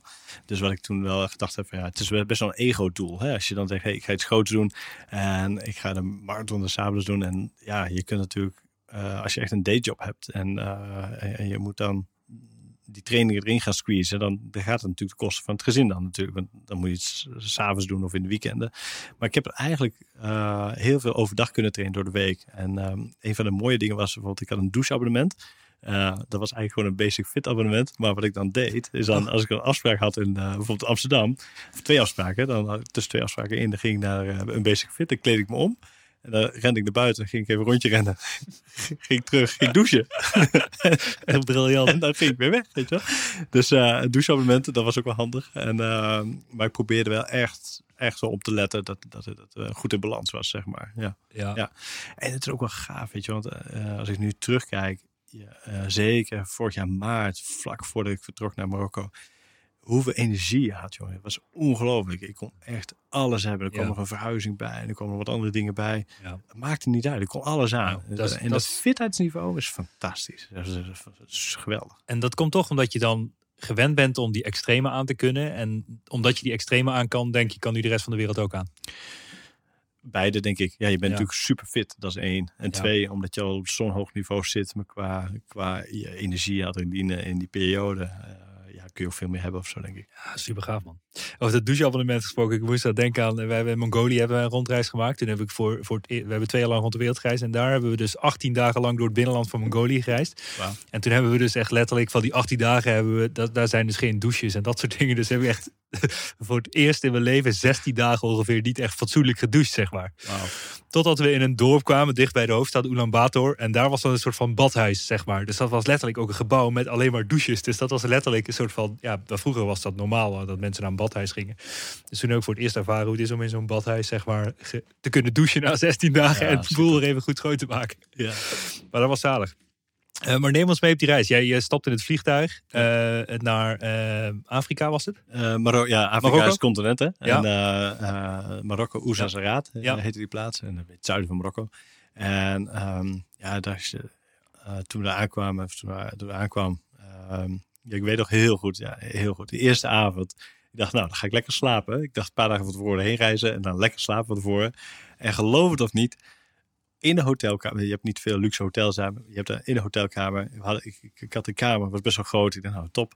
En, en, maar toen ik erheen liep, toen dacht ik al, huh, is hier een feest of zo? En, eh, en ik kwam aan om tien uur s'avonds. En ze hebben die mensen hebben gewoon tot twee uur in de nacht hebben ze hardlopen feesten. En ik kon gewoon niet slapen. dus ik was, gewoon, ik was die volgende dag gewoon kapot. Weet je. Oh, je bent niet mee gaan feesten. Nou ja, daar had ik wel. Ja, ik, voelde me nog niet helemaal thuis daar, denk ik. Maar eh, ik dacht dat het feest gaat wel over. Maar, maar die, die hield niet op. Dus ik denk dat het uiteindelijk wel twee uur was of zo. Ja. Dus, eh, maar goed, de volgende dag, eh, ja, toen eh, ja, gewoon een beetje rustig aan gedaan. En omgeving verkend. En een beetje acclim- acclimatiseren. Dat was de reden om weer te gaan. En na twee dagen eh vertrokken in bussen naar zes, kilo, zes uur nog zuidelijker. En ehm, ja, en op een gegeven moment heb je ergens een lunchstop. En dan krijg je nog één keer een, een beetje een normale lunch met een broodje en zo. En dat is dan ja, eigenlijk je laatste normale lunch. En dan kom je aan en dan heb je je koffer nog bij je. Dan mag je al naar je tent. En, eh, je tent moet je niet veel bij voorstellen. Dat is gewoon een doek en een, twee stokken ertussen. Ja. Eh, en dan mag je daarheen en dan eh, maak je op voor de eerste nacht. Heb je koffer dus nog bij, je hebt je nog bij. En ik weet nog, de eerste nacht, het was gewoon 4 graden s'nachts. hè En, eh, en een open tent eigenlijk. En hoeveel eh, mensen liggen in de tent dan? Je hebt dan acht mensen lig je per tent. Oh, dat En, valt eh, mee. maar ja, goed, die tenten staan dicht bij elkaar. Dus als- Ja. als een van die acht snurkt, dan kan jij die slapen. Nee, ja, nee, nee, je slaapt met acht mensen in één tent. Ja, ja, En, dus het ligt echt, bij wijze spreken, schouder aan schouder lig je daar, zeg maar. En je hebt dan, je wat zal het zijn, 100 tenten of zo staan. Je is, nou, misschien iets meer. Maar, ja, ik denk 100 tenten doen ongeveer 800, 900 mensen doen mee. En ja, dus ja, sommige mensen snurken, sommige mensen hebben oordoppen in. Eh, ik snurk. Oké, jij hebt er geen last van. Nee, dus, ik had er eh, niet zoveel last van. En, eh, maar het was wel heel koud. En, Ja, eh, en nou ja, op een gegeven moment dan, en dat is het ding ook natuurlijk, als het dan koud is. En op een of andere manier, ik weet niet hoe het lichaam werkt, maar dat moet altijd, middernacht moet je plassen. Ja, ja, ja, precies. Super En dan moet je over asfalt heen kruipen. Ja, nou, ja, de- die tent is aan de andere kant open, dus dan kruip je eruit inderdaad. En dan, dan strop je erheen en dan eh, een beetje ver weg van de andere tenten. Ja, en dat is natuurlijk geen toilet natuurlijk, dus ja, je loopt maar een beetje de woestijn in en dan ga je dan maar even plassen. En dan ga je, en dan, maar het, ook zoiets interessant. Je hebt echt totaal geen zin natuurlijk om eruit te gaan. En, eh, maar ja, je weet ook dat je het niet gaat redden voor, tot de volgende ochtend. Nee, nee, nee. Dus- elke minuut die uitstelt, dat, dat werkt ook niet. Dus, Ja, eh, ja. En dan de volgende dag dan eh, lever je je koffer in. Krijg je een kaartje, et cetera. En, eh, en dan heb je nog laatste medical checks. En eh, die heb ik vooraf ook wel gedaan. Een sportmedische test en heart rate test en dat soort dingen.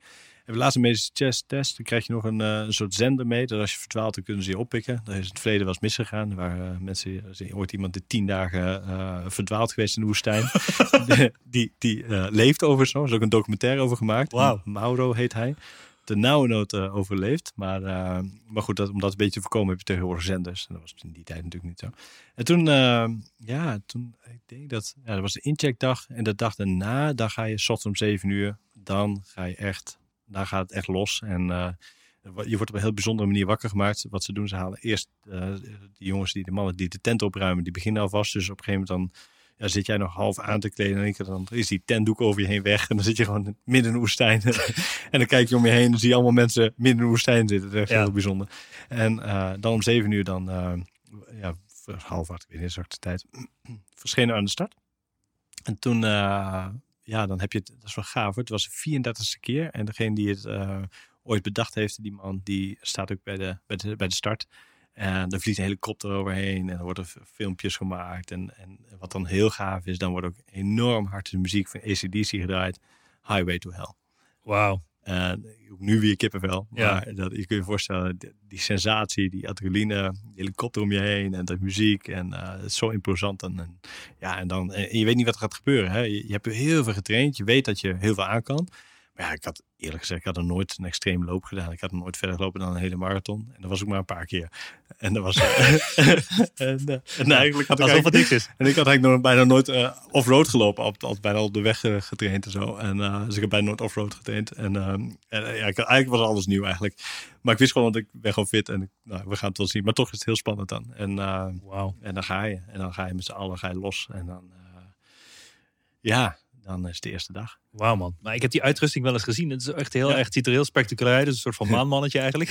ja. Dat is een soort Ja, van klopt, letterlijke voorbereiding op je baanreis dadelijk. ja, ja, ja. Dus de speciale dingen om je voeten, dat er geen zandkorreltjes inkomen en allemaal dat soort eh, dingen, toch? Ik had speciale schoenen, ook eh, twee maten groter. Eh, als je in de winkel staat, dan denk je, nou komt dat wel goed. En dan gaat schuiven en bladen. Dus, Alex, doe dat maar gewoon. Oké, prima. Dus ik had maat, wat tot zeggen?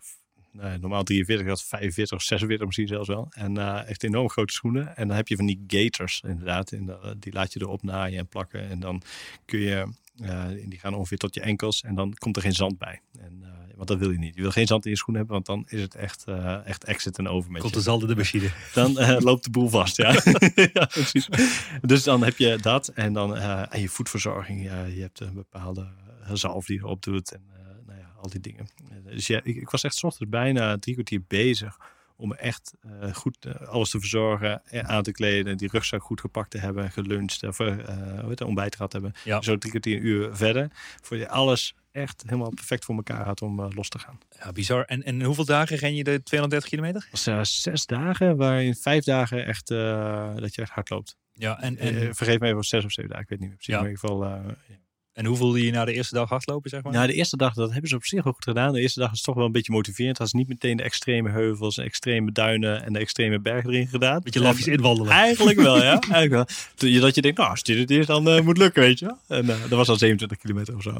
En, maar dag twee, daar was echt wel, toen brak de hel los hoor. Toen brak echt de hel los. Ja. En dag twee is Dag dan? twee was, de- in- kijk, elk jaar is de route anders. Dus eh, dit jaar hadden ze de duinen erin gegooid. En al vrij snel. En je moet je misschien heb je wel eens gehad dat je op, eh, bij het strand bent en een duin omhoog rent. Ja, zeker. Dat is Zwaar, hè? Extreem, ja, Ja. zeker. Nou, dat is één duin. Maar dit waren 23 kilometer achter elkaar duinen. Dus het is niet één, dat zijn niet 23 duinen. Dat zijn gewoon echt heel vaak die zo'n duin oprennen. En ehm, dat, dat was wel, ja, en dat is met dat zand. Je zakt de hele tijd weg. Het is gewoon echt heel zwaar. Het was ook nog op een gegeven moment de heetste van de dag, 40 graden. En, je tas zit ook nog vol, want heb, al je eten heb je nog. En ehm, dus hij was ook, ja, dat was echt wel, achteraf was het wel de zwaarste dag, denk ik. Terwijl eigenlijk de echt zware dag nog moest komen. Bizar, joh. Want voor de duik, je had die 13 kilo bagage bij. Er zat al Ja. je eten in voor die hele tocht. hele week, hè? ja. Dus er had zit je alles rugzak in, er zit eh, ja, een matje. Maar je matje heb je dan, hè, om gewicht te besparen, heb je dan afge... Een afges- slaapzak bedoel je zit erin. Ja, maar je hebt ook een soort matje waar je op ligt. Oh ja, ja, ja. eh. Oh, die heb je dan afgesneden tot je heup, want je wil niet te veel meenemen, weet je. En eh, je hebt een slaapzak, die is dan zo klein mogelijk. En je hebt, ehm, ja, en ik weet nog dat, ja, je denkt ook vooraf van, ja shit man, die... Ik, ja, er is niks te kopen in de Sahara, weet je. Dus Nee. eh, als het er wel te kopen is, is het niet te betalen Ja. waarschijnlijk. Dus, eh, maar toen heb ik eh, ja, toch te veel eten meegenomen. Want je denkt dat je, je denkt toch in schaarste of zo. Dus ik heb die hele week best wel veel uitgedeeld aan mijn, aan mijn tentmaten, zeg maar. Oh, ja. ik Kon je weet- daar verkopen voor 40 euro? Een muesli-reepje? ja, precies. Ja, ik had daar goud geld kunnen verdienen. Maar goed, dus, nou ja, goed. Ik, maar op dat moment ben je gewoon blij dat je er vanaf bent. Je denkt, alles wat ik niet mee hoef te sjouwen, dat is dan ook winst, zeg maar. Maar eh, ik weet nog dat ik op een gegeven moment dacht van... eh, op een gegeven moment was het zo van... eh, op een ochtend, dat ik, elke ochtend was het een beetje zo bijna een traditie bijna geworden. Ik zei, wie wil er nog? Nou, dat was altijd dezelfde gozer die reageerde, zeg maar. Op een gegeven moment zei ik, nou, wie wil er behalve... maar, was wel, eh, maar ik, ik, nam echt, ik had echt een kilo te veel eten mee, ja. Wow. Ja, ja. Dat is toch eh, fors als je daar eh, Klopt. Ja. eh, zes dagen mee klopt. En, en wat was dan, dus na de eerste dag dacht je van, ah, het gaat. Toen kreeg je die duinen, toen was het auw. Ja. Toen de tweede dag dacht je, hoe gaat het nog wel goed komen? Ja, ja want, want dan denk je, oh, dit is de tweede dag nog maar. En die derde dag, nou, dat zag op het programma ook goed- goed uit. 30, 40 kilometer, zo prima. En, maar die dag daarna, dan, dat is de dag waar je eigenlijk bijna het hele jaar tegenop gekeken hebt. En dat is de dag, eh, noemen ze het de, de langste dag. En die is bijna 80 kilometer. Wow. Ja, dus een Dat zijn dubbele bijna marathon. twee dubbele marathon, ja, Ja. toch? Ja, in de Sahara. En ook met duinen of zonder duinen? Daar zaten wel duinen tussen, maar niet, niet zoveel. Sowieso is het Maar- extreem, man. Dus wat is 40 graden? Je gaat dus een dubbele marathon rennen in het zand door de Sahara. dat is echt extreem. Echt extreem. Oh, en, en, en ook, ik weet nog die avond ervoor, ik was echt zenuwachtig. En ik heb een van mijn tentmaten ook over gehad. hey. En hij, ik had, hij had hem eerder gelopen, dus dat, dat hielp wel. En eh, toen gaf je nog even één tip. En toen dacht je, oké, oké, als ik het zo ga aanpakken, dan moet het gewoon gaan lukken. Maar je kijkt er gewoon enorm tegenop. Omdat je, ik had nog nooit zoiets gedaan. En, ehm, en ja, je bent gewoon zenuw. Ja, ik was gewoon zenuwachtig. Klaar. Wat was die gouden tip dan? Die gouden tip was dat eigenlijk wel simpel, want je hebt eh, checkpoints. Want je loopt uh, na 13, 14 kilometer, dan loop je naar een checkpoint. En dan vragen ze, hey, hoe gaat het met je? En je moet antwoorden. Antwoord je niet, dan word je achtervolgd net zo lang tot je wel antwoordt, van spreken. Uh, en je krijgt dan nieuw water. Dus, krijg je uh, flessen uitgedeeld. En die langste dag had zes checkpoints. En eigenlijk was het heel simpel. Alex zei hij, Alex loop maar gewoon van checkpoint naar checkpoint. En zie niet die 80 kilometer, zie gewoon, dit is checkpoint 1. Als je daar bent, dan zie je checkpoint 2. En zo heb je gedownbreakt, zeg maar. En opeens werd het overzichtelijk. Het werd klein gemaakt eigenlijk, in plaats van, oh, ik ga 80 kilometer lopen. En eindelijk, uiteindelijk, eerlijk was, het was uiteindelijk de mooiste dag ooit. Het was ooit een van de mooiste dagen in mijn leven. Wauw. Ja, ja. En, de, de, de reden voor mij was wel, na 50 kilometer, toen ontstond er iets in het lichaam. Ik weet niet wat het was, maar er, een nieuwe energie. Kreeg, ja, hij ging steeds een beetje sneller lopen. Het koelde ook een beetje af. En tegen het einde uh, gooide de organisator nog even een hoge berg erin van een paar honderd meter hoog. Ik denk, potverdorie. En toen was het ook al s'nachts. Dus op een gegeven moment heb je hoofdlamp op en dan ben je s'nachts aan het lopen. En het werd steeds kouder. En op een gegeven moment, toen was ik boven die berg en toen draaide een hoek om. En toen zag ik daar in de verte, zag ik een hele ja, oplichtende oplichtende finish, zeg maar. Helemaal verlicht. En toen dacht ik, oh, fuck man. Ik, ik, kon het niet zien. Maar het, ik had zo'n enorme glimlach op mijn gezicht. Ik was zo blij. En, uh, En daarna kreeg je weer een nieuwe soort energie. Want je wil dan naar die finish toe. En dan ging je, er- ik ging steeds harder rennen, steeds harder. En eh, ja, en op een gegeven moment dan, en dat is ook een mindfuck. Op een gegeven moment zie je de finish dichterbij komen. En na 10, 15 minuten dan denk je, hé, maar hij is nog steeds even ver. En een gegeven moment nog eens 5 minuten, nog eens 10 minuten. En toen kwam hij dichterbij. En, en toen was hij een paar minuten was je opeens binnen. Eh, Wauw. en, en toen kwam het tweede mooiste moment. En dat was dat je daarna, na het finishen, vijf minuten daarna lig je in je tent. En de diep intense geluk die je toen kon ervaren, die je toen ervaarde, dat is magisch. Echt magisch. Eigenlijk na dag drie was het voor jou al gewoon het mooiste wat je ooit gedaan had. Want het was gewoon bloody extreem. Ja. Je lag daar als de gelukkigste man op aarde. Dat je gewoon ja, dat je de halve wereld had verplaatst. zeg Ja, maar. ja, ja, ja, ja, ja, inderdaad. Maar, maar dat was dus, maakte, ja, eh, die medaille, daar ging het niet meer om. Nee. De finish, dit- was het ding. Dit was het ding waar je ook tegenop eh, op zag. Eh, en, ja, dat maakte dat gelukservaring. En, en, en ja, dat was ongel- ongelooflijk. Ja. ja, echt die overwinning op jezelf uiteindelijk natuurlijk. Ja. Precies. Maar dubbel marathons rennen in Sahara. Maar jij Ja. voelde je dus als een koning daar, Ja, weet je. ja. Maar het- er zaten ook mensen die zich minder goed voelden. Zeg van, kun je, kun je iets vertellen over wat extreme gevallen die daar dus gewoon half eh, aan het creperen waren, zeg maar. Ja, ja, ja. Oh man, ik heb echt mensen, eh, ook bij onze tentmaten. Die, sommige mensen hadden, eh, de, ja, een van de jongens had een, een op een gegeven moment begon het toen met een paar bladen. En op een gegeven moment, op een gegeven moment waren het 13, 14 blaren. En er was een blaar onder een blaar. En op een gegeven moment had die jongen, die moest naar de blarenpost. En dan gingen ze zijn, zijn na- nagel van zijn duim doorboren om de blaar eh, eh, vocht los te laten.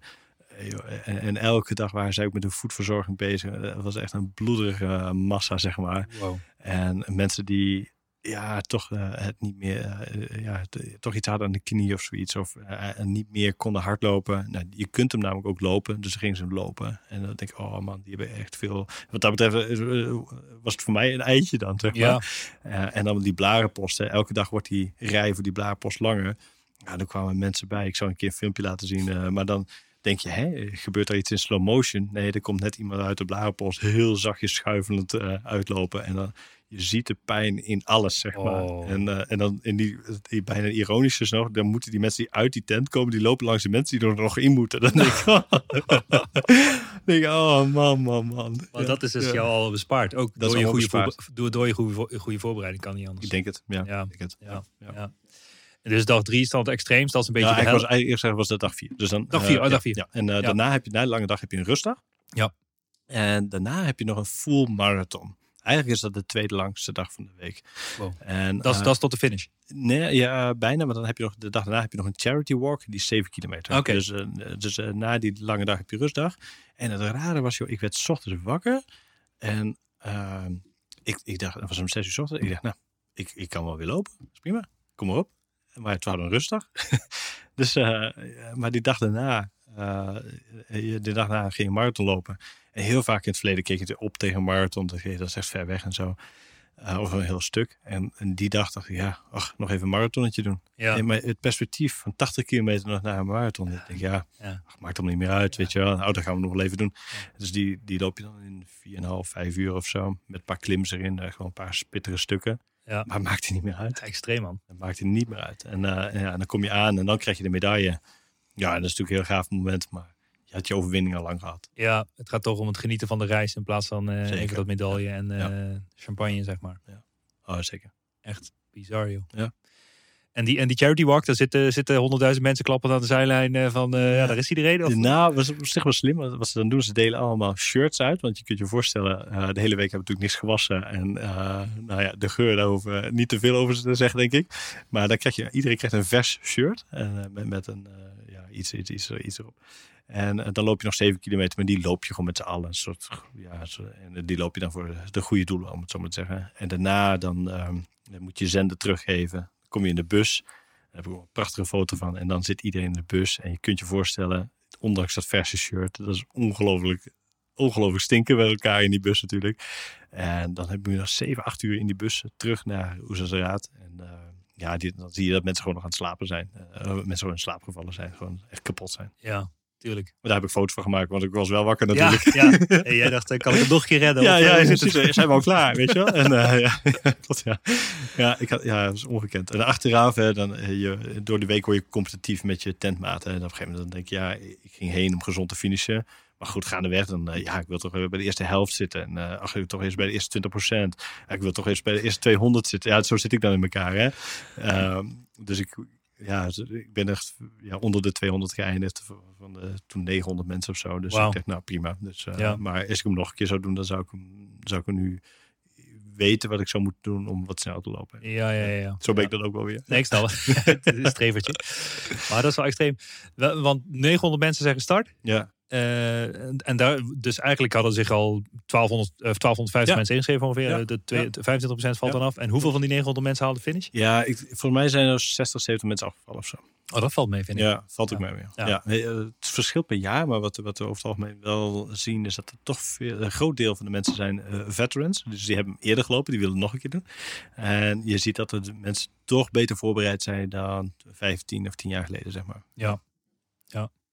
En als je hem dan niet haalt, dan lig je midden in de woestijn. Word je dan met een eh, chopper eh, weer naar het vasteland gebracht? Of Ik heb er nooit naar durven vragen. Nou ja, als dat dan de exit is die in je hoofd zit. Ja, van, ja. Ik kan gewoon door een helikopter Ja, worden opgehaald. En dan, ja, nou, misschien moet je dat dus gewoon niet vragen. Nee, nee dat, dat moet gewoon geen optie zijn. Dat, dat is- Maar ik heb wel mensen aan de kant zien liggen die, eh, die, die, die zijn echt eerst opgepikt met de helikopter. En, en dat, A, dat zag er niet goed uit. En B, die zijn- hebben het wel overleefd, maar die zijn echt naar het ziekenhuis gegaan. Oh ja, geloof ik wel. Ja. En er zijn ook mensen, en, en die medische checks zijn ook veel beter dan vroeger. hè. Dus als je nu je hart rate niet goed is, dan ga je, en als ze twijfelen, dat was ook aan het begin, ehm, ze twijfelden bij een paar mensen. En eh, nou, die zijn ook echt, die, die hebben ze een nieuwe check gedaan. En no- nog een keer een nieuwe check, om zeker te zijn of het klopt. Hè? Maar die hebben, voor mij hebben ze toen twee of drie mensen alsnog weggezonden. Ja. Wow. Nee, ze, de, die organisatie, dat, dat zit echt super Ja. goed in elkaar. Man. Ja. Maar ik heb eerder al gezegd waarom eh, je dit gedaan hebt. En dat is zeggen van ja, het is meer een ego dingetje of zo. Of, of wat, wat, wat is dan die grootste drijfveer? Is het toch, je zegt als ik iets de wereld in slinger ga ik het doen. Ja, Zo ja, ben ik. Dus ik moet wel een beetje oppassen wat ik nu weer Het zeg. is, is het, ook, het is ook misschien wel een beetje bewijsdrang Nou, of zo. Of naar jezelf, naar de rest van de Nou. wereld. Of hoe moet ik het zien? Nou, ik, een paar dingen. Ik denk, eh, eh, het is natuurlijk ook, wat ik echt wel ontdek, wat ik zelf heel fijn vond, is dat je ook iets, hè, onder, als je aan het ondernemen bent, zeker als je met andere mensen aan het ondernemen bent, dat is allemaal heel mooi. Eh, maar het is natuurlijk heel fijn dat je iets voor jezelf hebt, waar je gewoon zelf aan kan werken. Wat gewoon 100% waar niemand aan kan zitten, waar gewoon echt je eigen doel is. En dat is heel fijn. En, het tweede is, ja, eh, ik denk altijd, wie ben je? Als je business coach wil zijn en je wil eh, mensen verder helpen en challengen, wie ben je? als je zelf nog nooit een onderneming hebt gehad, of zelf nooit ondernomen hebt, of wie ben je als je zelf iets extreems hebt gedaan, of wie ben je als je zelf niet ehm, jezelf kunt pushen. Weet je, dit, zoals eh, een vriend van ons wel zegt, hey, eh, als je dat allemaal niet doet, ben je een soort eh, zanger zonder repertoire. Zeg Ja, maar, hè? Dus- ondernemer zonder onderneming. ja, ja, precies. dus, en, en, en het heeft ook wel een beetje met legacy te maken. Hè? Als ik kijk naar mijn kinderen, denk ik, ja, weet je, je, je wil ook daar weer een voorbeeld voor zijn. Hè? Wie wil je zijn? En, ja, en ik vind het gewoon gaaf. Ik hou gewoon van diepe, intense ervaringen ergens. Dat zoek ik ook echt op. Ja, als jouw kinderen deze extreme doortrekken, dan wil ik niet weten wat zij allemaal gaan doen. Maar... Nee, nee, maar, maar, maar daarover. Wel, een van mijn mooiste momenten vorig jaar was, en ik douche elke dag koud, net als jij volgens mij.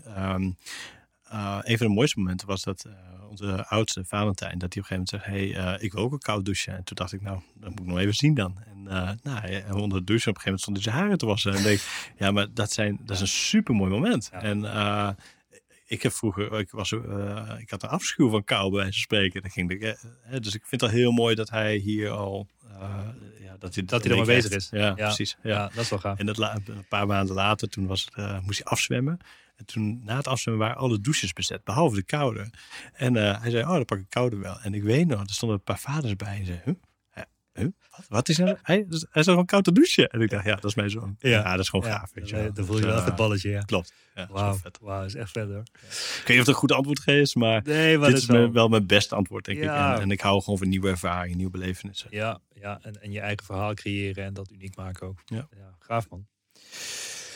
Uh, ja man, we hebben zoveel de revue gepasseerd. Um, je had het nog uiteindelijk, ja, we hebben niet heel veel tijd meer, maar je had in, in 2016 zei je dat je leven veel ja. veranderd was. Ja. Ik, ben, ik was wel benieuwd uh, ja. wat die verandering Wij was. Wij hebben elkaar ontmoet begin 2016. En, en ik kwam toen uit een tijd die dat ik echt vast zat met mezelf, met mijn bedrijven. Wat moest ik ermee en met mezelf. Dat ik gewoon echt tegen burn-out-achtige dingen zat. Eh, dat was een paar jaar daarvoor. Maar dat, toen wist ik ook, ik moet mijn business op orde brengen. Ik moest het structureren. Ik moest het, ehm, ik moest het veel meer vorm gaan geven naar hoe ik het wilde hebben. Dat was eigenlijk eind 2016 had ik het eigenlijk allemaal staan zoals ik het wilde hebben staan. Toen ben ik er twee maanden naar eh, Bali geweest met het hele gezin. En ehm, eh, dat hebben we jaren daarvoor ook wel gedaan. We hebben altijd veel gereisd ook. Ook eh, maanden gewoon weg in de winter. Ik was altijd van het zomersporten, niet van het wintersporten, zeg maar. Ja, lekker. En, ja, en, en, toen, ja, en toen kwam ik, ik weet nog heel goed, ik kwam aan op Bali en ik was ongelooflijk moe. Ik had hoofdpijn. Er waren heel veel muggen. Het regende. Eh, ik, ik had echt geen energie en ik had echt zoiets van, jeetje, wat moet ik nu hier op Bali? Maar wat een weer en die muggen en ik had hoofdpijn en jetlag en de, de kinderen waren over s'nachts wakker. Als, nou ja, je kent het wel. Ik dacht, ik, ik, ga, ik ga nu een vlucht boeken naar Carina. Ja, eh, zoek maar lekker uit op Bali. Dat punt was ik echt. En eh, ja, en toen dacht ik, ja, maar, maar ik was ook gewoon, ik, ik, ik had zo op mijn business gefocust om dat allemaal goed neer te zetten. En ik was gewoon eigenlijk gewoon op. En ik had mezelf niet, ik had wel een beetje gesport door die tijd heen. Ik heb nooit dat opgegeven of zo, maar ik was gewoon te zwaar. En toen dacht ik, oké, dit moet nu gewoon veranderen. En toen een paar radicale keuzes gemaakt. Niet eens heel groot, maar eh, één, structureel sporten. Eh, twee, eh, stoppen met drinken. Niet dat ik heel veel dronk, zo, nooit door de week, maar ik wilde daar gewoon mee stoppen. En toen hebben we die koolhydraten eruit gegooid. En ik denk twee maanden later, toen we bijna teruggingen naar Nederland, was ik eh 15 kilo lichter of zo. En ik weet nog, mijn grootste angst was toen wel van, hey, als ik nu terug eh, kom in Nederland, val ik dan terug in een oude patroon. En eh, heel, ja, op een of andere manier hebben we dat toch gewoon gelukkig wel kunnen vo- voortzetten. En daarna begon ik meer dingen te veranderen. Begon ik dingen toe te voegen, dingen te verwijderen. Eh, wat je ook gedaan hebt, stop met koffie drinken. Ja, ja. Nou, dat vindt gezin de eerste drie dagen ook niet echt heel grappig. Dus niet bij mij in ieder geval. Ik was niet echt de vrolijkste. Uh, koud douchen geïmplementeerd. Vegetarisch gaan proberen. Veganistisch zelfs nog geprobeerd.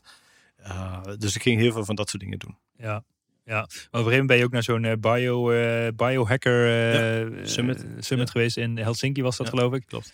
En daar, ging, daar word je geïnspireerd door dit Ja. soort fratsen allemaal te doen om een nog betere versie van jezelf te worden. Juist. Ja, Juist. Ja, uiteindelijk is dat wel wat we willen zijn, denk ik. Superhuman, zeg maar. Ja, Mentaal en ja. fysiek gewoon supersterk zijn. ja, ja. En, en toch, ja, dus inderdaad, ja, genoeg, genoeg tips in ieder geval ehm, hoe je dat dus kan zijn eigenlijk nu. Met, met ja, je voeding, je slaap, alles wat jij net opnoemde. is gewoon bizar. Ja, ik, ik denk dat ik de laatste 2,5 jaar meer dan 100 dingen heb veranderd.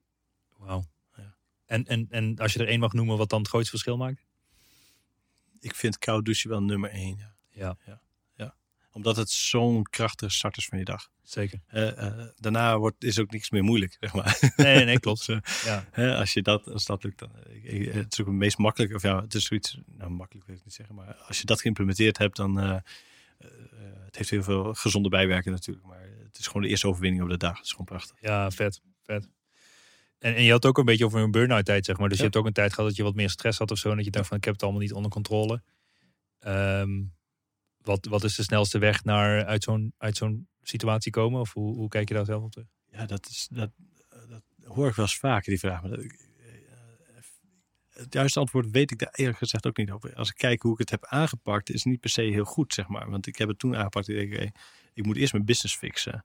En, ehm, eh, en, en dan, eh, en, en daarna kom ik wel, zeg maar. Maar eh, ja, het had ook in een andere volgorde gekund. En misschien was dat antwoord dan ook goed geweest. Weet je? Mhm. Dus ik, ik, ik weet het niet. Nee. Dit is mijn route geweest en dat heeft voor mij heel goed gewerkt. Ja, Het heeft misschien wel een beetje lang geduurd, maar aan de andere kant, eh, ik heb ook superveel geleerd. ja, ja, als ik zelf kijk, zeg maar, komt veel stress vandaan. Als je dus het idee hebt dat je geen controle hebt of geen overzicht en Ja. dat soort dingen, zeg maar. Dat je denkt dat je het niet zelf in handen hebt en dat andere mensen de keuzes voor jou maken. En dat levert gewoon heel veel stress op. Precies. En als je al die factoren dan wel op een rijtje hebt staan en die kloppen allemaal, ja, dan, dan valt de stress in één keer ook weer weg. En dan, als je er financieel een beetje oké voor staat en alles is overzichtelijk en heb je onder controle, dan Ja, heb je minder stress. ja, in die tijd wist ik gewoon niet heel goed waar ik heel goed in was. Of wat ik heel graag wilde doen. Of ik, of ik, ja, of ik eh, een bepaalde samenwerking die niet eh, goed zaten. Ehm inderdaad, het gevoel dat je geen keuze hebt. Eh, financieel stond ik echt heel diep, eh, zeg maar. Eh, dus ja, en ik heb me gewoon uit al die shit gelanceerd. En eh, wat ik misschien nu, oké, misschien mijn beste advies is wel dat ik wat ik niet heb gedaan, wat ik wel had moeten doen eerder, in 2014, 15, eerder iemand of mensen moeten zoeken die me erbij konden helpen. Ik heb wel echt lang zelf uitgezocht. En in 2016 hebben we natuurlijk hetzelfde programma gevolgd. Ik denk dat dat de eerste, eh, dat was een programma van nou, de aardige investering, misschien 20, 25k of zoiets. Uh, maar dat was wel de eerste grote stap om, om eigenlijk met externe verder te gaan bouwen. Ja, Als ik terugkijk, ga ik dat eerder ja, ja. Dat, ja, eh, ja. Ik denk dat dat ook een belang, de belangrijkste les is om zo snel mogelijk de mensen erbij te zoeken die erbij Ja. kunnen helpen. We hebben natuurlijk gezamenlijke vriend Albert Zonneveld. En Ja. ik denk dat die mentaal coach gezien ja, wel echt in de top zit van, van het land, zeg maar. En eh, eh, ja, dat, dat soort mensen heb je nodig om uiteindelijk uit zo'n situatie te komen. Klopt. Ja. Ja. Je kunt het niet alleen doen. Dat is, Nee. eh, je kunt Nee. het wel, maar dat duurt wat langer. Ja, Ja. klopt. Ja. Gaaf man. Ehm, waar kunnen mensen meer over jou lezen, Alex? Ja, alexverginneke.com. Ik ben eh, natuurlijk helemaal naar het, eh, ook naar het Engels geswitcht met, eh met coaching business. Ehm, eh, volgens mij vroeg je nog een, een giveaway. Ja, ja, inderdaad. Ja, Ja. Als je nu jezelf om begint, ik wilde je daar die vraag Ja, stellen. Maar mooi. we gaan ondernemen op Ja. slippers.nl slash Alex Oké, gaan we aanbouwen. Daar gaan we alles uitleggen en wat jij nu gaat vertellen. Supermooi. nou, wat ik, wat ik gedaan heb is het laatste vier, vijf jaar business coaching. Maar ook in mijn eigen bedrijf. Ik heb superveel meegemaakt. Heel veel cases. En eh, op een gegeven moment ben ik gaan nadenken. Welke cases heb ik nu? Welke verhalen heb ik nu? En er zijn er, zijn er echt heel veel. Maar op een gegeven moment denk ik, ik stel gewoon een paar criteria op. Dus ik heb criteria opgesteld. Hey, een case moet bijvoorbeeld minimaal 50.000 euro eh, extra winst opleveren. Of zoveel productiviteitsverbetering. Of zoveel efficiënter. Whatever. Gewoon case moet gewoon echt een serieus probleem. Of serieus veel waarde toegevoegd hebben. Dus ehm, wat ik wil doen voor jou is, eh, ik heb nu een, eh, ik ben dus een caseboek aan het schrijven met alle verhalen die ik heb meegemaakt. Gewoon uh, één à viertje, twee à viertje maximaal per case. En, ehm, en ik wil eigenlijk voor jou, uh, even passend is, maar in ieder geval de eerste tien cases uh, van mijn nieuwe boek weggeven. Wauw, ja, super vet. En dat worden gewoon de vetste cases natuurlijk. En dit wordt een digitaal uh, ja. formaat, neem ik ja, aan. Ja, en dan uh, gaan we nu weggeven. En dan uh, uiteraard, ja, het is 100% een trigger om uiteindelijk jouw boek te kopen natuurlijk. Ja, mag. Ja, ja, maar ja, top. Daar gaan we ze daar natuurlijk uh, op de hoogte van houden. Vet. Vet. Super gaaf. Dus uh, we maken ondernemer op slippers.nl slash Alex aan. En dan uh, gaan we die cases even checken van jou. Mooi, dankjewel. cool man. Hey, bedankt Alex. Ja, ik vond het super leuk. inspirerend gesprek. Leuk en dankjewel voor je uitnodiging. En uh, vond het super tof om het verhaal met jou, met je publiek te delen. Ja, dus, zeker. Ja, ik heb ook weer nieuwe dingen gehoord. Dus ik denk de luisteraar ook zeker. Mooi, dankjewel. Dankjewel man. Bedankt voor het luisteren naar de Ondernemen op Slippers podcast. Check voor meer informatie ondernemenopslippers.nl. Tot de volgende keer. Damn, wat was dat een verhaal van Alex van Ginneke. Uh, ja, ik vind het nog steeds bizar hoe je 230 kilometer door een woestijn kan rennen, een paar businesses opzet, kan participeren, uh, de wereld rondreist, uh, je gezondheid op nummer 1 zet. Ja, ik moet nog even bijkomen. Uh, maar goed, wil je meer over Alex lezen? Ga naar ondernemenopslippers.nl slash Alex. Daar gaan we even mooie, uh, mooie cases van hem uh, weggeven. En nou ja, tot de volgende keer maar weer. Dankjewel Alex. Hey, top. Dankjewel.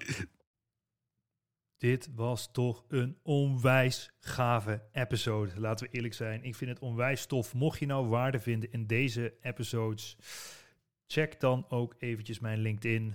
Bas Eurlings. En geef mij gewoon even een persoonlijk berichtje wat je van deze podcast vindt. Nogmaals, ik kan alles gratis aan jou geven. Wil je leren in e-commerce? Gratis in op één coaching. Gratis e-commerce kickstart event. Ga naar basdeeltuit.nl hoe jij subsidie kan aanvragen door gratis, om gratis toegang te krijgen tot alles wat ik gemaakt heb. Check it out en tot snel. Ciao, ciao.